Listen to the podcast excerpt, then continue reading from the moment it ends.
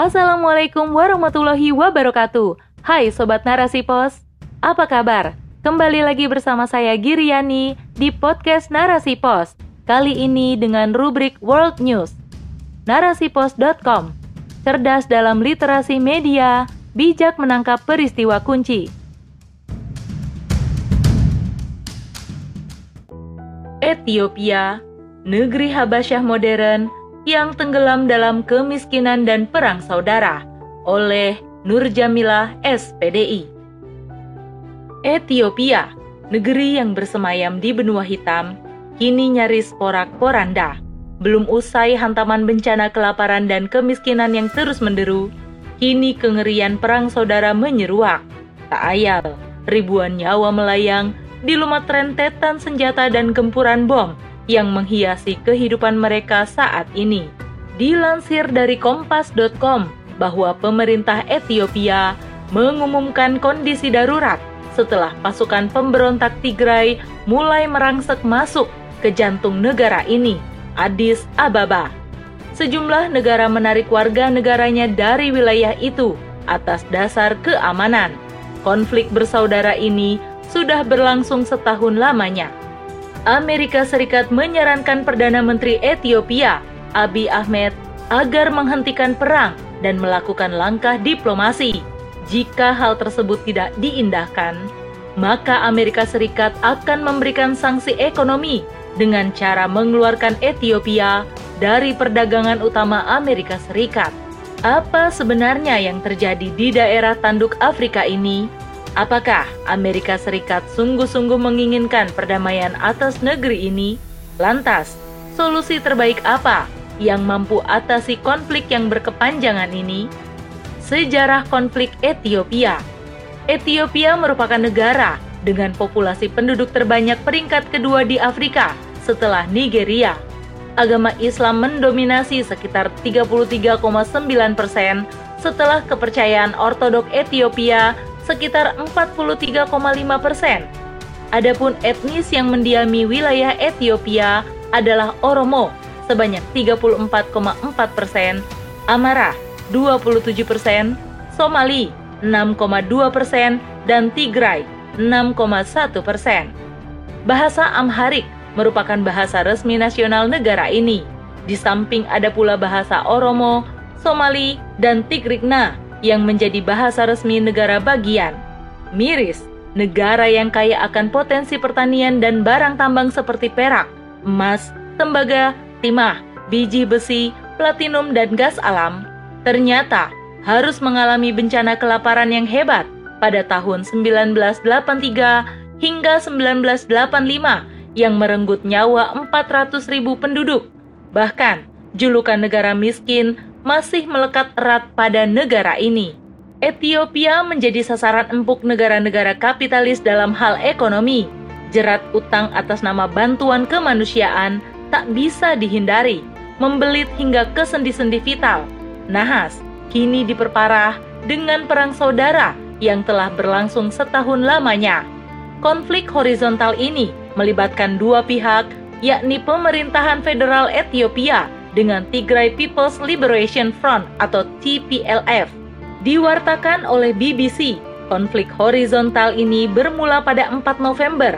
Kala itu, Perdana Menteri Ethiopia Abiy Ahmed menginstruksikan serangan militer terhadap TPLF di Tigray. Ia berdalih itu adalah balasan atas penyerangan TPLF ke kem militer pemerintah di Tigray Eskalasi ini menjadi puncak dari perseteruan ABI dengan pemimpin TPLF. TPLF bukanlah partai politik baru dalam kancah perpolitikan di negara Ethiopia. Bahkan, usia kekuasaannya hampir mencapai 30 tahun. Disinyalir sistem pemerintahan Ethiopia yang menjadi akar dari konflik ini. Sejak 1994, Ethiopia menganut sistem pemerintahan federal sehingga kelompok-kelompok etnis berbeda diberikan kewenangan untuk mengontrol 10 wilayah. Partai politik terkuat masa itu di Tigray adalah TPLF. Dalam sistem federal ini, Ethiopia dianggap lebih stabil dan sejahtera. Namun, isu hak asasi manusia dan demokrasi deras diaruskan oleh pihak lain. hingga menimbulkan protes dan mengantarkan pada reshuffle di tahun 1998. Inilah momen Abiy Ahmed diangkat menjadi Perdana Menteri Ethiopia. Abiy yang liberal membentuk partai politik baru, yakni Partai Kemakmuran. Ia melakukan sterilisasi pada para pejabat yang berafiliasi pada TPLF dengan memecat mereka dengan tuduhan korupsi dan penindasan. Setahun kemudian, Abiy semakin tenar saat meraih penghargaan Nobel Perdamaian dari PBB, sebab ia telah berhasil menghentikan persengketaan wilayah yang berkepanjangan antara Ethiopia dengan Eritrea, negara tetangganya. Ini semakin menambah keresahan rivalnya. Para pemimpin Tigray memandang reformasi Abi kebablasan dan berimbas pada penghancuran sistem federal Ethiopia. Sebab Abi tampak sangat berambisi memusatkan kekuasaannya pada dirinya saja. Perselisihan mencuat pada September 2020 saat Tigray menentang keputusan pemerintah pusat dan bersikeras menyelenggarakan pemilu secara regional. Padahal, pemilu nasional ditunda tersebab pandemi.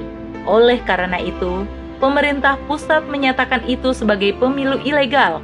Imbasnya, sejak Oktober, pendanaan untuk Tigray ditangguhkan, bahkan terjadi pemutusan hubungan.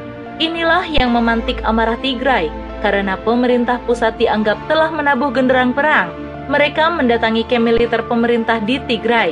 Abi mengklaim itu sebagai sebuah penyerangan militer demi mencuri senjata. Inilah yang membuat Abi nekat melakukan konfrontasi militer pada Tigray. Ini sudah berlangsung selama 12 purnama. Demokrasi menjadi biang konflik. Konflik yang terjadi di Ethiopia mengajarkan kita akan banyak hal, bahwasanya demokrasi lagi-lagi menjadi biang konflik yang mengantarkan suatu negara pada jurang kehancuran. Sistem demokrasi yang berasaskan sekulerisme memuaskan syahwat kekuasaan penguasa dalam meraup keuntungan. Tak peduli bencana apa pun yang ditimbulkannya, rakyat yang selalu menjadi tumbal sekaligus korban dari kebiadaban sistem ini. Konflik Ethiopia yang telah memakan ribuan korban jiwa dari rakyat sipil sebenarnya adalah imbas dari keegoisan dan keserakahan para elit politik. Partai Kemakmuran yang dipimpin Abiy Ahmed, sang Perdana Menteri Ethiopia, yang ingin menguatkan dominasi kekuasaannya dengan rivalnya TPLF yang hendak merebut kembali kejayaan mereka selama 30 tahun berkuasa. Mereka halalkan segala cara demi mencapai puncak kenikmatan dari sebuah dominasi kekuasaan. Padahal sebelumnya mereka bersatu dalam satu partai yang sama, yakni Ethiopian People's Revolutionary Democratic Front atau EPRDF.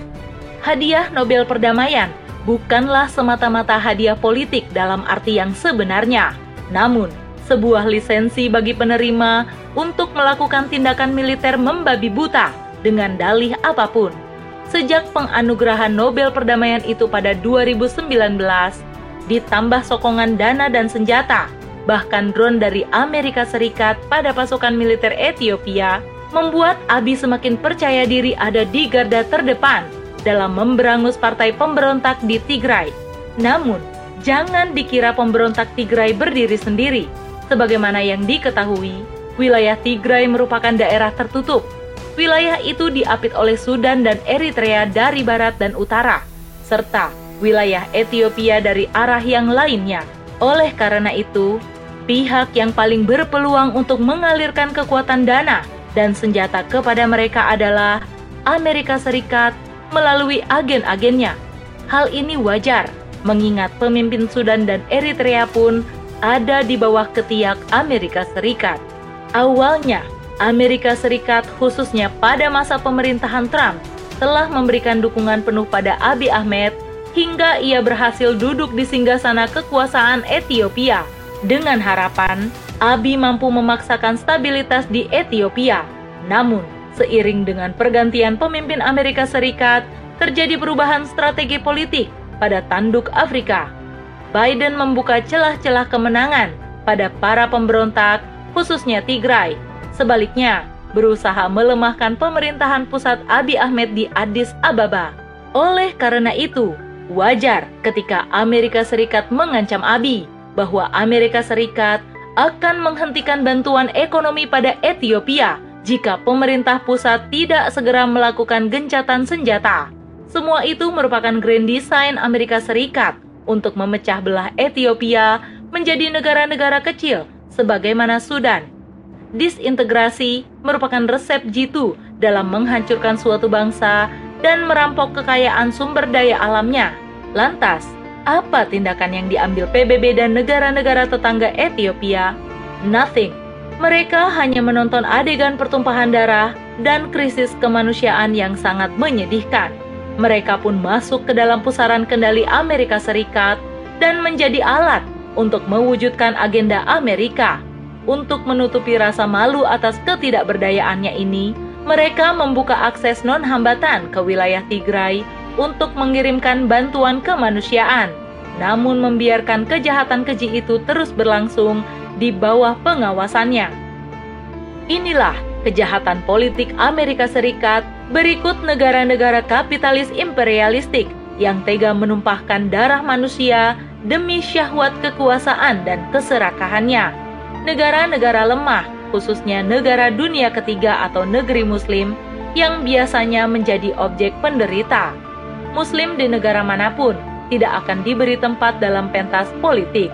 Identitas keislamannya seakan menjadi sebuah dosa yang tak terampuni serta pantas diganjar dengan penistaan dan genosida.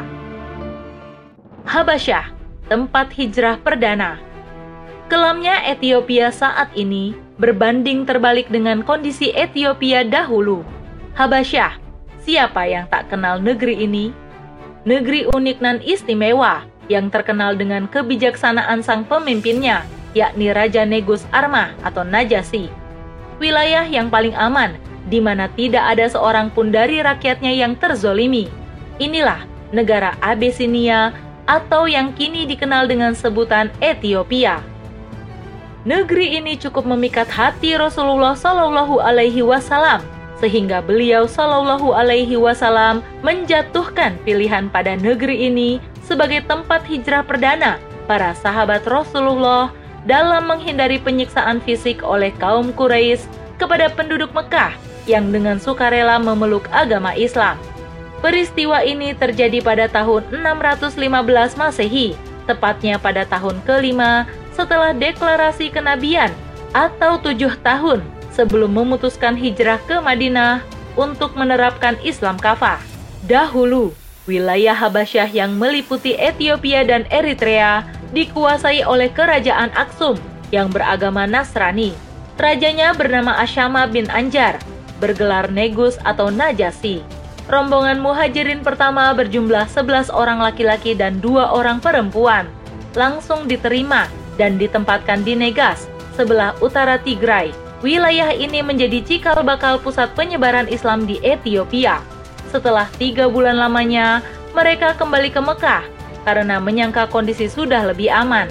Namun tak disangka, situasi makin panas dan mencekam pasca masuk Islamnya dua singa padang pasir, yakni Hamzah bin Abdul Muthalib dan Umar bin Khattab. Kaum muslim dan kabilah pendukungnya justru mengalami pemboikotan. Membaca kegentingan itu, Rasulullah Shallallahu Alaihi Wasallam kembali memerintahkan para sahabat dan kaum muslim lainnya untuk kembali ke Habasyah.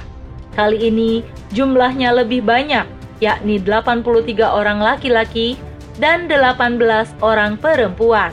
Menyaksikan gelombang hijrah yang cukup besar, kaum Quraisy khawatir rombongan itu tak sekedar mencari perlindungan, namun menghimpun kekuatan dan menyiapkan kaum muslim untuk gebrakan yang lebih dahsyat lagi. Oleh karena itu, kaum Quraisy bergerak cepat, mengirimkan dua orang utusan, yakni Amr bin As dan Abdullah bin Abi Robi'ah, untuk menghasut sang Raja Najasi agar mengusir kaum muslim dari tanah Habasyah. Namun, sang raja tidak mau berat sebelah. Ia memanggil perwakilan kaum muslim untuk menyampaikan argumentasi atau sanggahan atas apa-apa yang disampaikan dua orang utusan itu. Ja'far bin Abdul Muthalib hadir sebagai juru bicara yang menjelaskan hakikat ajaran Islam dan Nasrani yang dianut Raja Najasi. Hal itu menjadi bumerang untuk utusan Quraisy. Karena justru itulah yang menjadi pintu hidayah yang mengantarkan sang raja pada keislaman. Dua utusan Quraisy diusir, sementara kaum muslim diberikan perlindungan dan penghormatan tertinggi. Semenjak itu, banyak penduduk Habasyah yang masuk Islam. Islam berkembang pesat di Ethiopia, walaupun sempat mendapat perlawanan dari Nasrani Oromo dan Amhara. Mereka berupaya memberangus Islam dari tanah Habasyah. Pada abad ke-16, Khilafah Utsmaniyah menggelar futuhat ke wilayah ini di bawah pimpinan etnis Somalia, Imam Ahmad bin Ibrahim Al-Ghazi. Perkembangan Islam mengalami pasang surut, kondisi memburuk sepanjang abad ke-19 akidah kaum muslim dipertaruhkan. Runtuhnya khilafah Utsmaniyah pada tahun 1924 menjadi pukulan telak dan nestapa bagi kaum muslim dunia sebab mereka kini tak lagi memiliki perisai dari buasnya serangan musuh-musuh Islam. Butuh institusi pemersatu umat. Afrika mulia dengan Islam dan menjadi hina tanpanya. Afrika dan negeri-negeri muslim lainnya menjadi objek kejahatan dan kebiadaban barat dalam memuaskan sahwat 3G, gold, glory, gospel Amerika Serikat dan negara-negara kapitalis imperialis. Sesungguhnya, kejahatan ini tidak bisa dilawan dengan kelompok, keluarga, apalagi individu semata. Butuh institusi pemersatu umat muslim sedunia, yakni Khilafah Roshidah ala minhajin nubuah. Khilafah bernyali face to face dengan adidaya kapitalis, membongkar makar-makar barat, melindungi kaum muslim dan meninggikan kalimatullah di muka bumi, menerapkan syariat Islam kafah, menyebarkan dakwah, dan menggantikan posisi kesukuan dan sektarian yang rendah dan temporal. Akan tiba masanya dunia dengan lantang meneriakan firman Allah Subhanahu wa taala dalam Quran surat Al-Isra ayat 81 yang berbunyi, "Dan katakanlah, yang benar telah datang dan yang batil telah lenyap. Sesungguhnya yang batil itu adalah sesuatu yang pasti lenyap. Duhai kaum muslim di seluruh penjuru dunia, jangan lagi termakan dengan janji palsu dan solusi demokrasi yang utopis. Tidak ada pilihan lain selain merapatkan barisan dan ikut dalam perjuangan penegakan khilafah. Rekomendasi apa pun yang ditawarkan Barat sejatinya demi mengadang kebangkitan Islam dan kaum muslim. Sadarlah, kuatkan azam, dan bergerak menuju perubahan hakiki. Allahumma ana, Allahu Akbar.